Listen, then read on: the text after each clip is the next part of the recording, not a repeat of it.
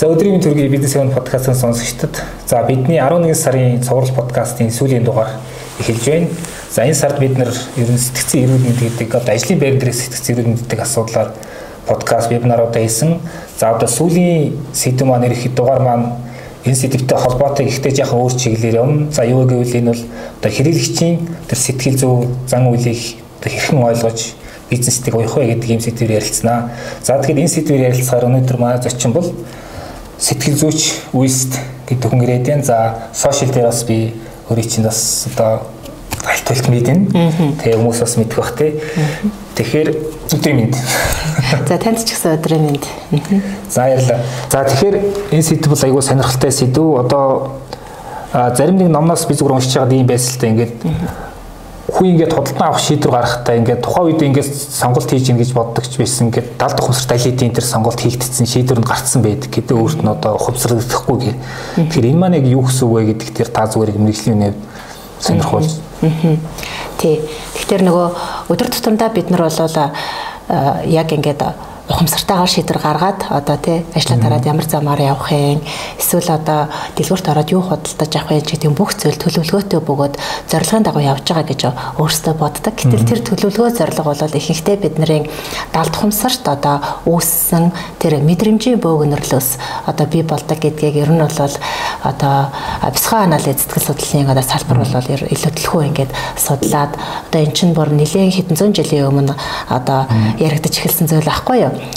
Тэгэхээр нөгөө даалт ухамсар гэдгийг одоо ингэж тайлбарлаад байгаа. Маш олон хүмүүс бол мөсөн уулын зөөрлөлөөр нь мэднэ тий. Мөсөн уулын бол одоо маш бага хэсэг нь бол далайн түвшнээс дээш байдаг. Энэ бол бидний одоо өөрсдөө мэдэж байгаа болон одоо энэ одоо таныг би хараад ингээд одоо дүгнэх тэр дүгнэлт ч гэдэг юм уу тий. Энийг ингээд хэлж болно. А тэгэнгүүт далайн түвшнээс доошох хэсгийг бол ухамсаргүй гэж хэлж байгаа.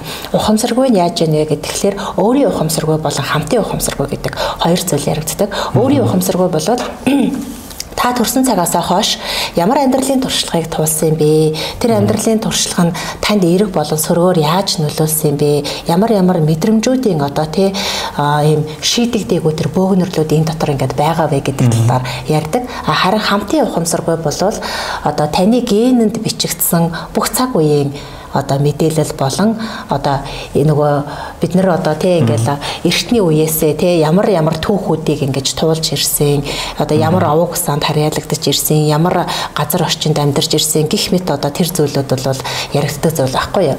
Тэгэхээр нөгөө ухамсаргүйг илүү ингээд юм дэлгэрэнгүй тайлбарлая гэх юм бол бидний одоо тэр нөгөө мэдхгүй байгаа одоо хүлээн зөвшөөрөөгүй эсвэл ил гараагүй мэдрэмжүүд тэнд бол ихэвчлэн байж байдаг. Жишээ нь одоо хоёлаа өнөөдөр нэг ярилцаж байгаад нэг маргаан төрлөө гэж бодъё л да. Та надад маш онцгой мэдрэмж төрүүллээ гэж бодъё л да тий. А гэтэл яг өнөөгийн нөгөө нэг нийгмийн хүрээллээс бол би тантай маргалдаж болохгүй. Танд одоо онцгой мэдрэмж төрүүлж болохгүй. Тэгэхээр яг би ууралсан болон таныг үзэн ядсан ч юм уу тэр мэдрэмжээ ингээ дараад өнгөрнө шүү дээ тий. Тэгэхээр тэр мэдрэмж хайчих вэ гэхэлэр хэрвээ тэрийг одоо ямар нэгэн байдлаар одоо гадагшлуулаагүй бол эргээд би танд тэгэхэд тэ ингээд ийм зан гаргасанд чинь айгу онцгой санагдсан шууч гэдэг юм уу те эсвэл юу гэдгийг тэрийг одоо одоо тэр тэрнээс үүссэн стрессийг одоо тий спорт ч юм уу эсвэл ямар нэгэн тий бүтээлч үйл ажиллагаанд шилжүүлж чадаагүй бол тэр мэдрэмж яадаг вэ гэхээр бидний одоо тэр бодлолоос цааших тэр мэдрэмжүүд ингээ үлдчихдэг гэсэн үг. Ингээд энэ нөгөө заавал таагүй биш. Таатай мэдрэмжүүд хүртэл байгаа. Бид нэр ингээд бодох юм бол ямар дурсамжууд бидний санаанд ордог вэ гэхээр нэг бол маш сайхан мэдрэмж төрүүлсэн хэсэг дурсамж. А эсвэл маш хэцүү мэдрэмж төрүүлсэн хэсэг дурсамж. Тэ ингээд айгуу тийм тод дурсамжууд үлддэг. А гэхдээ санаж байгаа болон санахгүй байгаа бүх тэр нөгөө нэг одоо мэдрэмжүүдийн тэр нөгөө бөөгнөрлөд бол талт ухамсарт байгаад эргээд бидний одоо удирдлага болж яадаг гэсэн үг. Нэгсэндээ одоо нэг юм машин бариад явж ялаа гэж бодоход би өөрөө тэр машинаа жолоодод байгаа гэж бодож байгаа боловч тэр нь өөрөө цаанаасаа автомат тохиргоотой гэж ойлгож олно гэсэн үг. Тэгэхээр ухамсаргүй бол ийм сонирхолтой зүйл байдаг. Тэгээ энэ бол яг одоо бүхэл амьдралын үйл явц дээр гэр бүлийн харилцаан дээр ажил амьдралын бүхэл одоо талбарууд дээр дээрэс нь одоо мэдээж бизнес төр хүртэл энэ ингээд бас улс төр бизнес төр хүртэл одоо маш одоо тий их судлагдаж яригдаж үүний хүчийг нь одоо тий мэдсэн ашигладаг хүмүүс бол бас амжилттай явж байгаа тийм зүйл л тий. Тэгэхээр за ухамсаргүй гэдэг маань одоо unconscious гэдэг л одоо вэ? Тийм нэр тийм байгаа ингээд биднэрт мэдэгдүү ухамсарын талбарт орж ирээгүй механизм ажиллаад бидний янз янзын шийдвэр гаргалт гаргахад нөлөөлөд байна тий. А энийг зүгээр яг нөгөө нэг бизнес талдаа уюул ер нь яг юу гэдгийг одоо энийг судалдаг, мэддэг гэх юм уу мэрэгчлэтнүүд ер нь яг бизнесийн талбарт энэ одоо мэдлэгийн ололтыг ер нь яаж бас ашиглаж болох уу те бизнесийн хүмүүст яаж тусалж болох уу ч гэдэг юм уу те мэдээж гэхдээ энэ нөгөө нэг ёс зүйн асуудал яригдэн те. Гэхдээ ер нь яг юу гэдгийг өөрт хэрэгэл одоо хэрэгтэй хэрэглэгчээ олох те асуудлыг шийдэж чадах хэрэглэгчээ олоход ер нь яг ямар талаас нь ашиглаж судалж бол болохоор байна. Тэгэхээр нөгөө тухайн хүний одоо ихэнх бизнес эрхэлдэг хүмүүс бол а одоо тухайн хүнд мэдрэмжийг худалдаад байгаа шүү дээ тий. Бараа бүтээгдэхүүнчээсэн үйлчилгээчээсэн мэдрэмжийг хүнд ингээд өгөөд байгаа. Тэгэхээр тэр хүн ямар мэдрэмжийг худалдаж авах вэ? Өөрөөрөө бахархах сэтгэлийн мэдрэмжийг, бахархах мэдрэмжийг авмаар байгаа мó? Эсвэл тайтгарах мэдрэмжийг авмаар байгаа мó? Эсвэл одоо өнгөрсөн насны тий ингээд ийм маш сайхан дурсамж бүтээсэн тэр дурсамжаа худалдаж авмаар байгаа мó? Тий ямар мэдрэмжийг худалдаж авмаар байгаа юм бэ гэдгийг олж мэдэх нь их чухал байгаа юм. Тэгэхээр саяхан нөгөө нэг нэгэн үйлчлүүлэгч маань ярьжсэн баггүй юу. Би аюугаар улсдаг. Нөгөө төмсний салаатаар нийслэл салаатаар үлсдэг гэдэгсэн байхгүй юу. Тэгээд аа за гэдгсэн чинь бүтэн сая өдөр болгон ингээд 5 дахь өдөр ажиллаа тараал тэгээд хагасаа хүмсээс уулуулаад бүтэн сайн дандаа төмсний салаат хийж иддэг. Гэхдээ тэрэнд ингээд ерөөсөө нөгөө цацсан мэдрэнд нөгөө сэтгэл цадаг гэж бид нар ярьдаг шүү дээ тий.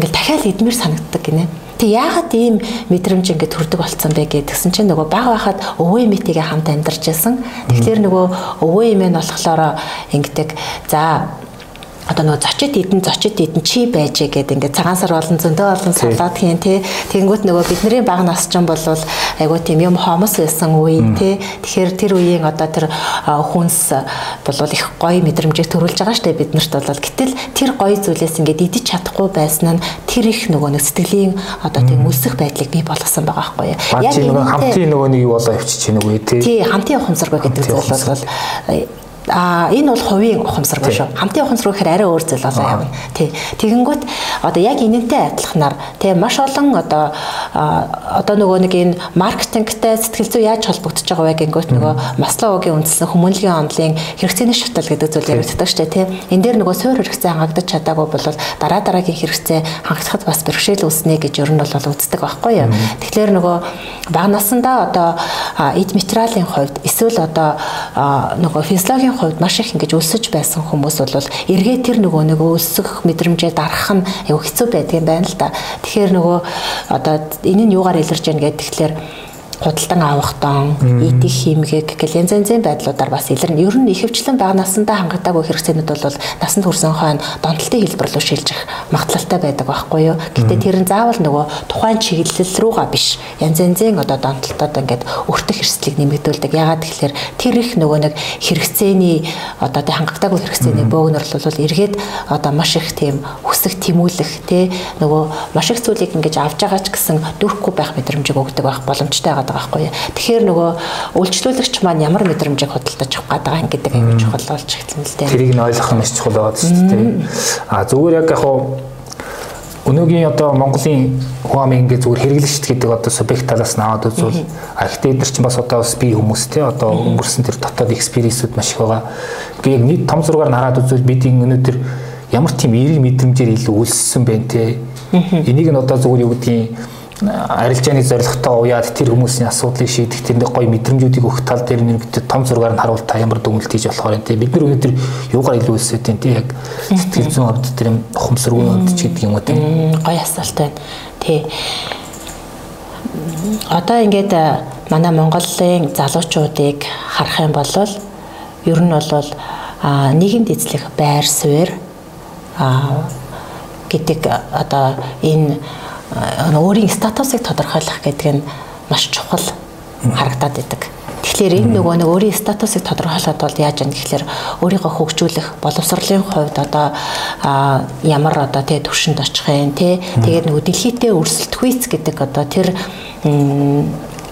одоо бодол мэдрэмж бол бидний хувьд баг мод болсон байгаа даа ш залуучуудын хувьд тий. Тэгэхээр би зөвхөн монголоор хязгаарлагдахгүй юм байна. Би одоо дэлхийд ч гэсэн ингээд өөрийгөө таниулах боломжтой юм байна гэдэг ч юм уу. Энэ нөгөө нэг юу амбиц бол монголчуудад маш их байхгүй. Тэгэхээр нөгөө энийг ингээд яг сэтгэл зүйтэй холбох юм бол одоо хангагдаагүй хэрэгцээ нөгөө сэтгэл зүйн хувьд үл хайхрагдсан ч юм уу эсвэл нөгөө магтуулах хэрэгцээ дутагдсан ч юм уу ингээд айгүй олон зүйл бол ярьж олно та. Гэхдээ эргээд дутагдал нь илүүдэл болж болдог юм байна байна гэдгийг эндээс бид нар харж болно. Тэгэхээр хэр баргийн одоо тий а юунд одоо бусад ингээд юм хөгжингүй орнуудын э, нэг одоо 35 та залуу ч юм уу 40 та залуу бол тийм амбицтай байхгүй байхгүй юу? Ер нь бол за нэг коллеж төгснө, коллежоо төгсөөд сурсан мэрэгчлэрээ ажиллана. За тэгээд ажиллаж явж байгаад залуу насндаа одоо юу гэдгийг нөгөө зугаалцах, цингэх, өөрийгөө хөгжүүлэх, өөрийгөө олох гэх мэт процесс бол маш тийм нөгөө энгийн минимал одоо явж байгаад а тэгэнгүүтээ 35 хүрээд гэр бүл зохиогоод ингээд нөгөө нэг юм ийм урсгалаараа явдаг. Тэгээд тэд нар чинь нөгөө нэг бизнесээ ч юм уу эсвэл одоо юу гэдгийг өөрсдийн өв хөрөнгийг өвлүүлдэг учраас ингээд одоо суур хэрэгцээнд бол санаа зовхгүйгээр хүн болгон суур хэрэгцээг хангах хэрэгтэй гэдэг тийм одоо зөвлөгөөгөр ингээд ийм маш тайвнаар ингээд залуу нас нь ингээд өнгөрдөг болвол монголчуудын хувьд бол бүх амбицтай бүгд ингээд ямар нэгэн зүйлийн төлөө тэмүүлсэн тийм байдал бол одоо энэ эерэг төгөлсөглөн байгаад байгаа байхгүй юу.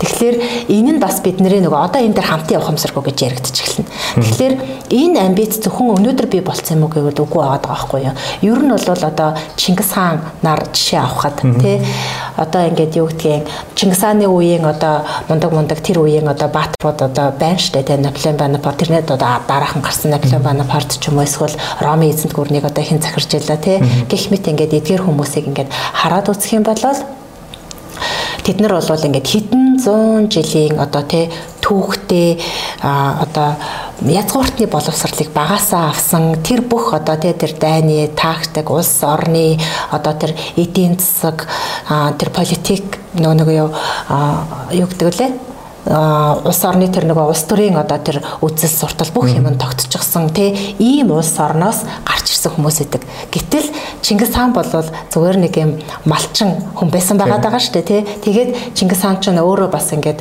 ганцаараа биш.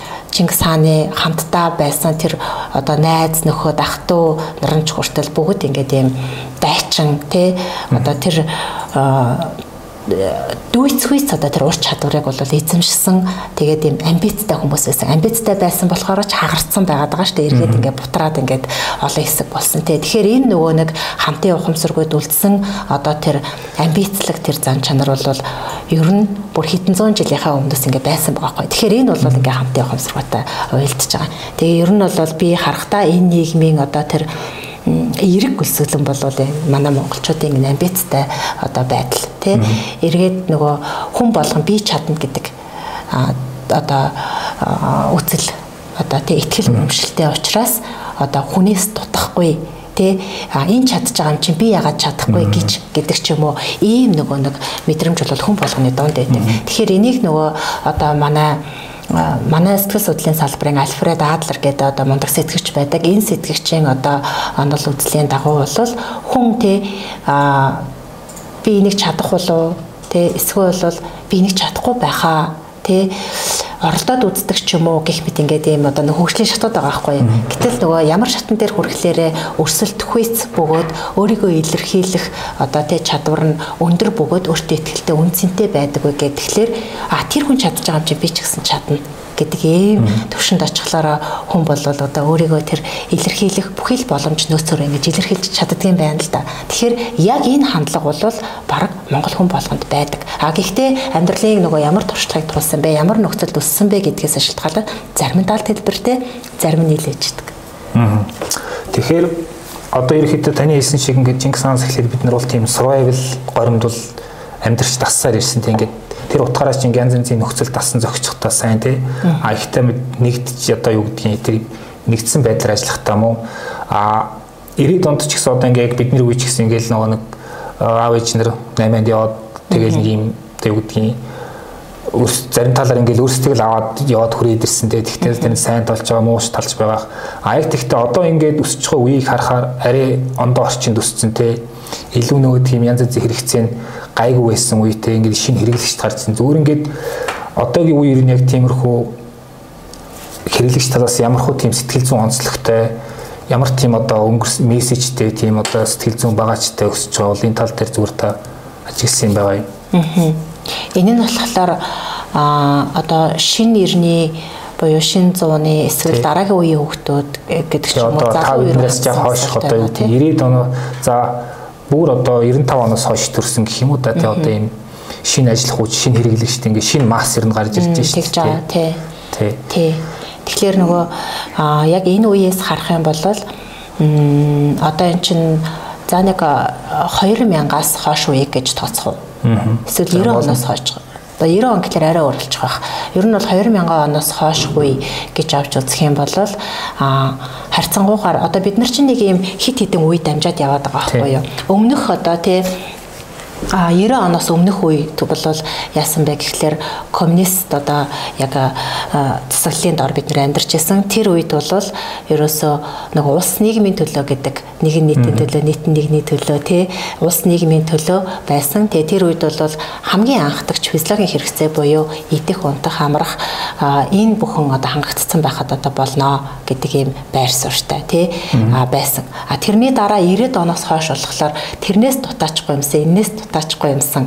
Гэдэг ийм байр суурь бол бас нэг 10 гаруй жил нэг үе одоо 12 бэлгийн тооллоор бол нэг ахаад нэг үе ингээд өнгөрсөн. А тэрний дараагаас бол за нэг 2000 болон 2005 оноос хойш ч юм уу илүү ингээд нөгөө нэг тогтворжод а гэхдээ тэр нөгөө 90 оноос хойш одоо үеийн залуучууд одоо яг манай нийгмийн эд одоо хөдөлмөрлж байгаа бүтээж байгаа залуучууд байгаа байхгүй юу. А энэ залуучууд болохоор яасан бэ гэхээр бага насандаа одоо тэр өмсөх болон идэлхийн өсөлтөнд өртсөн хүмүүс байхгүй юу.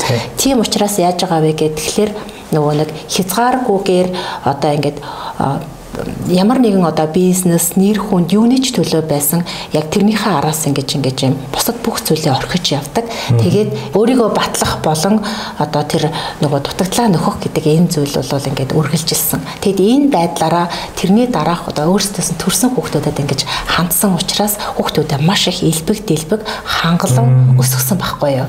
Одоо нөгөө юугаас ч дутаахгүй гэдэг. Дутаахгүй гэдэг зарчим бол тэнд ингээд дахиад үйлчлээд явж байгаа шүү дээ, тий. Тэгэнгүүт яасан бэ гэхээр энэ үеийнхэнд бол бүх юм нь одоо тий нөгөө нэг суур хэрэгцээнүүд бол бүрэн хангагдчихсан. Аа За нөгөө нэг физиологийн хэрэгцээ байна, аюулгүй байдлын хэрэгцээ байна, тий. Тэгэхээр ингээд ийм илүү дээшгээ хардаг болсон. Тий. Илүү одоо тэр хүмүүс бол нөгөө нэг шууд ингээд нөгөө хайрлаж хайрлуулах тухай ч юм уу тий. Өмнө нь бол бид нар нөгөө хоолтой байх, орон гэртэй байх гэдэг бол одоогийн одоо 35 та залуучуудын хувьд бол 18 өстэй үеийнх нь мөрөдөл ахгүй юу. А гэтэл одоо үеийнхэн бол аль хэдийн тэр суурь хэрэгцээнүүд ингээд ерөнхийдөө дайггүй хангагдчихсан учраас юмд нэг тэгж санаа зовдөггүй одоо тийм байдал руу шилжсэн.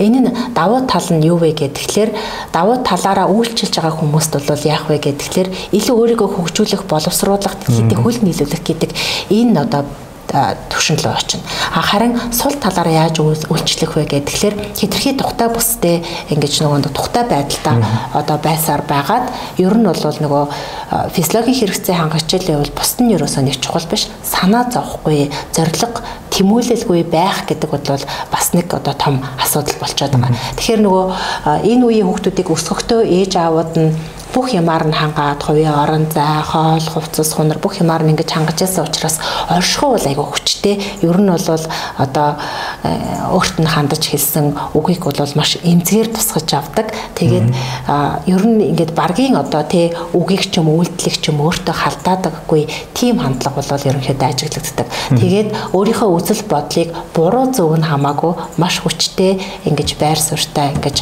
нөгөө нэг доктортойгоор ингэж хамгаалдаг тийм одоо үе байгаа харагдаад байгаа байхгүй. Тэгэхээр энэ хүмүүст бол илүү нөгөө нэг одоо энэ үеэ дагаад яасан бэ гэх тэгэхээр нейро маркетинг гэдэг чинь бол ингээд илүү нөгөө нэг одоо дийлгэрч ингэж гарч ирж байгаа. Уг нь бол эн чинь ингээд Америк Америкт бол 90 оноос хойш бол одоо тэг илүү хүчтэй дэлгэрсэн байхгүй. Гэтэл Монголд бол яг одооноос ихтэй нейро маркетинг гэж ярьж эхэлж байна. Магадгүй 2 3 жилийн өмнөөс ч юм уу те. Гэтэ цөөн тооны хүмүүс энэ тухай ярьж байгаа байхгүй. Тэгэхээр нөгөө энэ үед бол яг гэхэлэр илүү л нөгөө нарийн мэдрэмж рүү чиглэж тэр хүмүүс нөгөө очих боломжтой болж байгаа. Нейро маркетинг гэснээс яг үн чинь бол одоо бидний тарихч чинь зүгээр энгийн үгээр авч үзвэл тийм нэлийн эдрэтий тийм одоо алгоритм шүү дээ. Одоо систем гэх юм одоо үг юм. Тэгээ нейро маркетинг маань одоо тэрийг судлаад маш ухааны үндэстэй судлаад тэн дээр суурилсан одоо шийдвэр гаргалт нөлөөлөх гэх юм уу тий бизнес талаас бол гэхдээ бас энэ тэр ёс зүйнүүд их байд юм шиг байгаа. Одоо хэр хэмжээнд хэрэгжилж болох уу энийг ч гэдэг юм уу тий. Ийм санитаа яриад байвал бас сонирхолтой сэдв. А би юу асуух гэсэн ихэр бас одоо монголчуудын яг нэг тийм одоо нийтлэг э, юу гэх юм тий хэв шинж гэх юм одоо юу гэдэг яг нэг тэмэг байсан мэдэхгүй л тийм нэг омогчдаг те түрүүн таны хэлсэнтэй ингээд бусдын дор орохгүй гэж үздэг. Тэгээ тэн дээр нь бас ингээд амжилттай маркетинг одоо стратеги хэрэгжүүлж байгаа тийм маркетингийн жишээнүүд байгаад байна. Одоо юу гэдгийг илүү тийм а тэрийг нь өдөөссөн тийм нэг юм одоо бүтээгдэхүүн үйлчлэгээ хөгжүүлэх юм уу те.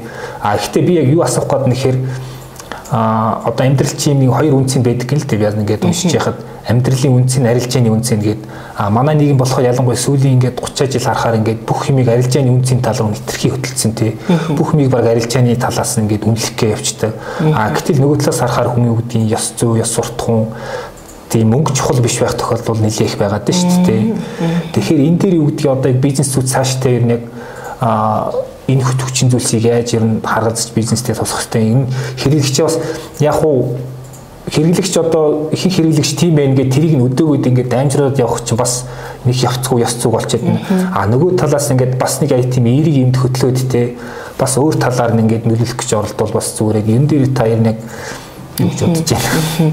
Тий. Бас гоё асуулт байна. Аха. Ер нь бол яг одоо нөгөө нэг шулуухан хэлэх юм бол бизнес ёс зүйгээ байгаа Монголд. Тий тий. Тэгэхээр нөгөө яг одоо энийг ингээд хөгжингүй орнууд яаж явж байгаа юм бэ гэх тэгэхээр тэнд бол ямар бараа бүтээгдэхүүн үйлчилгээ илүү одоо урт хугацаанд оршин тогтнож байна. Тэгэхээр тэрнийг үүсгэн байгуулсан хүмүүс тэр нөгөө арилжааны үнэт зүйл дээр биш тий яг тэр нөгөө нэг хувийн үнэт зүйл дээр тулгуурлаж тухайн брэнд бараа бүтээгдэхүүнийг гаргасан байдаг. Тэгэхээр нөгөө хувийн туршлага гэдэг чинь айгу чухал байгаа байхгүй юу? Бид нар одоо би юу хүсэж байгаа вэ? Би яг ямар үнэт зүйлийг бүтээмээр байгаа вэ гэдгийг бизнес эрхлэгчид маань төдийлөн олж харахгүйгээр одоо хүмүүс юу сонирхож байна гэдэгт хит туулшааснаас энэ нөгөө арилжааны үнэт зүйл рүү ороод байгаа гэж хараад байгаа. Тэгэхээр энэ дээр одоо би юу сонирхож байгаа юм бэ? Одоо нөгөө шинээр одоо гарч байгаа стартапууд бол яг л ийм болчиход байгаа байхгүй юу? Энэ бас ингээд Монголд э, одоо шин шин тутамдаа яг хөгжиж байна тий. А гэхдээ одоо бас ингээд нэгэн төвл ажиллагаан чигтэрсэн газрууд байгаа бол энэ дээр миний үнэт зүйл энэ одоо тий үйлчлэгэнд яаж тусах юм бэ гэдгийг ингээд айгу одоо чухалчилж гаргаж ирэх юм бол энэ нь өөрөө урт хугацаанд маш тогтвортой байх боломжтой. Тэгээд тухайн бизнесээ одоо тий уналт босолтон ч гэсэндээ хит унаал хит босоол ингээд нэг юм давлгаан төртөд байхааргүй бас ингээд юм тогтвортой явах боломжтой байдаг байхгүй юу. Тэгээ хүн ер нь бол түрүү нэг мэдрэмж худалдаж авдаг гэсэн шүү дээ. Мэдрэмж дундаа ихтгэл үнэмшил, үнэт зүйл тий өөрийн тогтсон хандлага гэдэг бол а одоо хүний тий маш чухал юм сэтгэлзэн бүртлүүд байхгүй юу. Тэгэхээр энэ нөгөө нэг байдлаас одоо тий хүн тэгвэл ихтгэл үнэмшлийг худалдаж авдаг юм байна тий. Хүн ил тод байдлыг худалдаж авдаг юм байна. Хүн үнэт зүйлийг худалдаж авдаг юм байна гэдгийг л одоо тий ингэж ойлгож тэр зүйлийг ингэж тухайн үйлчилгээндээ шингээж ингэж бусдад хүргэх юм бол энэ нөлөө доктортой байна гэж харж байна. Өөрөөр хэлбэл одоо бизнес эхэлж байгаа хүн эсвэл шинэ одоо бизнес эхлүүлж байгаа хүн бол за энэ ашигтай гэдээ орхоос илүү тий би одоо тэр одоо мэдрэмж нөө өгөх гэдэг чинь мэдрэмж худалдаж авдаг гэх тий. тэр сөрөг мэдрэмжийг бүтээгдэхүүнчлэгээр яаж одоо бишээ эерэг мэдрэмжийг бүтээгдэхүүнчлэгээр яаж бий болох вэ гэдэг дээр л илүү фокуслох хэрэгтэй гэж хэлэх гээд байна тий. Тий одоо энийг ингээд жишээ нь наад зах нь мэрэгжил сонголттой холбоод аваад үзье л да тий. Жишээ нь ингээд би одоо жишээ нь сэтгэл зүйч мэрэгжлийг сонгоход энэ мэрэгжил бүр сургаггүй байсан байхгүй юу тухайн үедээ. Тэгээд манай ээж аав хоёр хүртэл нөгөө хөдөөний хүмүүс учраас мойс мобисийг л сургууль гэж бодоод бусдын сургууль биш гэж бодоод байдаг. Тэгээд би хүмүүнлэгийн сэтгэл судлалын анги аваад очисон чинь одоо тий мэдхгүй сургуулийн хэрэггүй мэрэгчл аваад ирлээ гэж одоо тоомжиргүйхэн хэлэхэд би айгу гомдоод хүлээж авч байсан байхгүй. Гэхдээ би өөрөө энэ мэрэгчлэр би амьдрах нь миний үнэт зүйл гэдгийг 8 дугаар ангитай олоод харсан байсан учраас 8 дугаар ангитаа л мэрэгчлээс аль хэдийн сонгоцсон байсан байхгүй юу. Тэгээд ингээд сонгоцсноороо яасан бэ гэхээр дунд нь бэрхшээлүүд үүсэж байгаа. Тэр бэрхшээлүүдийг надад давах хүч байсан. Би дунд нь шантраад болиг гэж ухраад өөр мэрэгчлэр сураад ч юм өөр ажил хийгээд ч юм явах боломж байсан байж болно шүү дээ. Тэ ер нь бол хүн чинь одоо нөгөө нэг одоо байгаагаараа харах юм бол илүү боломжийг харах болчиход байна шүү дээ. Тэ гэтэл үнэт зүйл өсөнд одоо үнэт зүйл гэж тодорхойлсон зүйлдээ бол хүн илүү тууштай байгаад урдаа тарсан одоо тэр саад бэрхшээлэг ч юм уу илүү одоо тийм давах хүчтэй байдаг. Тэгэд илүү ингээд урт хугацаанд тууштай байх бас боломжтой байдаг. Эргээд энэ тууштай байдал чинь яасан бэ гэхээр миний өнөөдрийн амьдрал болон өнөөдрийн үн цэнийг тодорхойлох одоо тэр боломж маань л болсон байхгүй юу. Тэгэхээр нөгөө юунд үнэт зүйл өгсөн бэ гэдэг чинь айгуу чухал байгаад байгаа шүү дээ. Гэтэл миний үнэт зүйл юу байсан бэ гэвэл хүмүүст энэ тархины шинжлэх ухаан тарих бол ийм хүчтэй гэдэг. Би өөрөө яг тийм бүтэн биеэ саажилтаас босч ирсэн байхгүй юу хүүхэд байхдаа. Тэгэхээр хүний тарих бол одоо тийм шинжлэх ухаанаас хүчтэй юм байна. Энд ямар нэгэн зүйл байна гэж ерөөс хүүхэд байхдаа сонирхож эхэлсэн гэсэн үг байхгүй юу. Тэгээд яг энэ нөгөө нэг тархины нууцыг тэгвэл хүмүүс зааж өгье л доо хэлээ л да би хүмүүст тусалж чадах юм биш үү гэдэг мэдрэмжийг хүүхэд байхдаа авсан. Яг энэ мэдрэмжээрээ явсараа байгаа л дунд нь өчнөө олон саад бэрхшээлүүд тулгархад тэр бүхний ард ингээд одоо гараад ирсэн л явж байгаа байхгүй юу. Тэгэхээр нөгөө энэ тууштай байдлыг чинь бас тэр үнэт зүйл чинь өгнөө те дунд нь одоо бизнес яаж ч эргэж болно шүү дээ те тэгэхээр эргээд нөгөө нэг харсан зүйлээ алдахгүй байх гэдэг чинь бизнесийн хувьд их чухал байхгүй юу? А гэтэл хэрвээ одоо тэр нөгөө зориг байсан ч гэсэн тэр нь өөрөө үнэт зүйлээр ингэж холбогдож чадаагүй болоод яадаг вэ гэдэг тэгэхээр ямар нэгэн асуудал нөхөхөд нөгөө тулгархад одоо ям өөр одоо зээл тавиад ингээд нөгөө бизнесээ өргөжүүлэх гэж үздэг ч юм уу? Эсвэл бол ингээд уналтанд ороход өөр чиглэлээр ажиллах гэж үздэг ч юм уу ингээл дунд нь цаг хугацаа мөнгө санхүүгийн хувьд бол айгүйх ингээл алдагдлалд ороод эцэст нь яг амжилт байгуулсан байж болох ч гэсэн ер нь бол тэр ингээд айгүй тийм удаан үйл явцтай одоо байдаг. Тэгэхээр энийг ингээд бизнесуд бол яг тэр бас өөрийнхөө үнэт зүйлийг тодорхойлох нь чухал нэг их юм ярьч та тий. Зөв зөв. Тэгэхээр бас нэг зүйл асуумаар байна. Одоо ингээд сошиал медиа гэдэг нэг юм одоо юу гэх юм үзэгдэл юм уу одоо нийгмийн үзэгдэл яваад шүү дээ. Бид нэг эцсийн үр дүндээ хүнийг яаж өөрчлөхийг одоохонд нь урьдчилж харах боломжгүй байх шиг байна те. А тэгээд сошиал медиа нэр нэг энэ одоо түрүүнд тавьж ярьсан тэр хүний ухамсаргуу гэдэг тэр нь яаж нөлөөлөд байна. Илүү тийм сөрөг мессежүүд, сөрөг цэнгүүдийг өнгөрснөөс нь ухаж гаргаж ирээд улам ингээд толио бантан болоод байна уу? Ер нь энэ яаж одоо бидний тэр ухамсаргууд яаж нөлөөлж байна? Бас одоо худалдан авах те хэрэглэх тэр зан үйлд яаж нөлөөлж байна гэдэг тэр та бас ямар ажиглалтэйсэн бэ? Тий. А бид нар ухамсаргүйгээ ойлгоод ухамсартайгаа ухамсартайдаа нэгтгэж чадах юм бол биднэрт маш их хүч байгаа. А харин сошиал орчин бол а яг ингээд одоодоо төрөгдүүлээд идэг хүнийг ингээд тархийг нэг л их завгүй, нэг л их одоо хүссэн, тэмүүлсэн, судалсан, харсан. Гэтэ ямар нэгэн зүйлийг ингээд барьж авахгүй, нэг л их тийм завгүй одоо байдалд оруулчихж байгаа байхгүй юу. Тэгэхээр бид нар нөгөө ухамсарлуугаа ерөөсөө өнгөж чадахгүй болно гэсэн үг. Хүн ямар үед ингээд ухамсаргүй руугаа өнгөдөг вэ гэхээр асуудал тулгараад тэр асуудалтайгаа нүүр тулах үед. Гэтэл нөгөө сошиал орчин чинь бол бид нэр ихэвчлэн ингээл нэг юм өнөө маргаашийн хэрэгцэн дээр тулгуурлаж л одоо тэр нөгөө мэдээ мэдээллийг олж уншиж харж байгаа шүү дээ тий. Тэгэхээр өрөөсөө тэр өөрийн өнгөрсөн болон өөрийн дотоод руу өнгөх боломжийг олохгүй байгаа л гэж би бол харж байгаа. Зөв зөв. За тэгэхээр аа бас нэг асуулт байгаа нь одоо юу гэдгийг одоо лоялти хэрэглэгч үүсгэн гэдэг нэг ойлголт байдаг шүү дээ. Тэгээ ер нь яг яг хуу энэ дээр янз янзын юм яригддаг л да ингээд мэдээж бүтээгдэхүүн үйлчлэгээ чанартай байх хэвээр харилцагчийн үйлчлэгээ чанартай байх хэвээр гэхдээ энийг яг хэрэглэгчийг зүгээр одоо би хүн персонал хэрэгтэй талаас нь харахаар тэр лоялти буюу одоо тэр өөрт чинь дуртай байх байдлыг нь яаж үүсгэх вэ бүтээгдэхүүн үйлчлэгийг дамжуулж энэ дэр зүгээр зөвлөх зүйл байна. Тэг энэ дэр хэд хэдэн зүйлийг ярьж болох байх гэж бодож байна. Нэгт нь бол одоо тухайн хүнтэй нөгөө one one буюу тухайн хүнд одоо хурц үйлчлэх нь айгүй чухал байдаг. Аа ил тод энийг бол сошиал орчин бол одоо бий болох боломжтой. Бид нэр ингээд өмнө нь бол бичлээд өдөрт хэдэн үнэтэй уулзах юм. Тэ боломжгүй шүү дээ. А гэтэл сошиал дээр бол яаж байгаа вэ гэхээр тэр бүх одоо тэр нөгөө нэг өөрийн тулж байгаа процессыг хуваалцах боломжтой болсон байхгүй юу. Одоо бизнес ингээд одоо тийм хуучны нэг юм загвар гаргаад загвараа бусдад танилцуулдаг. Тэгээ тэр нэг юм хиймэл дүр үүсгэж байгаа шүү дээ тий. А тийм байхасаа илүү маш энгийн бөгөөд хүртээмжтэй тэр хүнд ингээд юм өдөр тутмын процесс яаж явагдаж байгаа вэ гэдгийг мэдих тусмаа хүмүүс бол тэрэнд ингэж татагдж байгаа. Яагаад гэвэл хүн чинь өөрөө одоо нэг одоо тийм нөгөө нэг шийдвэр гаргах одоо зарчим болвол яадаг вэ гэхлээр бидний нөгөө зөв бэлэгт зан чанар өөрийгөө хамгаалах байдаг. Тэгэхээр ямар нэгэн тодорхойгүй зүйл биднэрт айдас юм уу төгшөөрийг төрүүлж болно. Тэгэхээр тодорхой байх тусмаа тэрнтэй одоо нэгдмэл бол ตก гэсэн хүний сэтгэл зүй.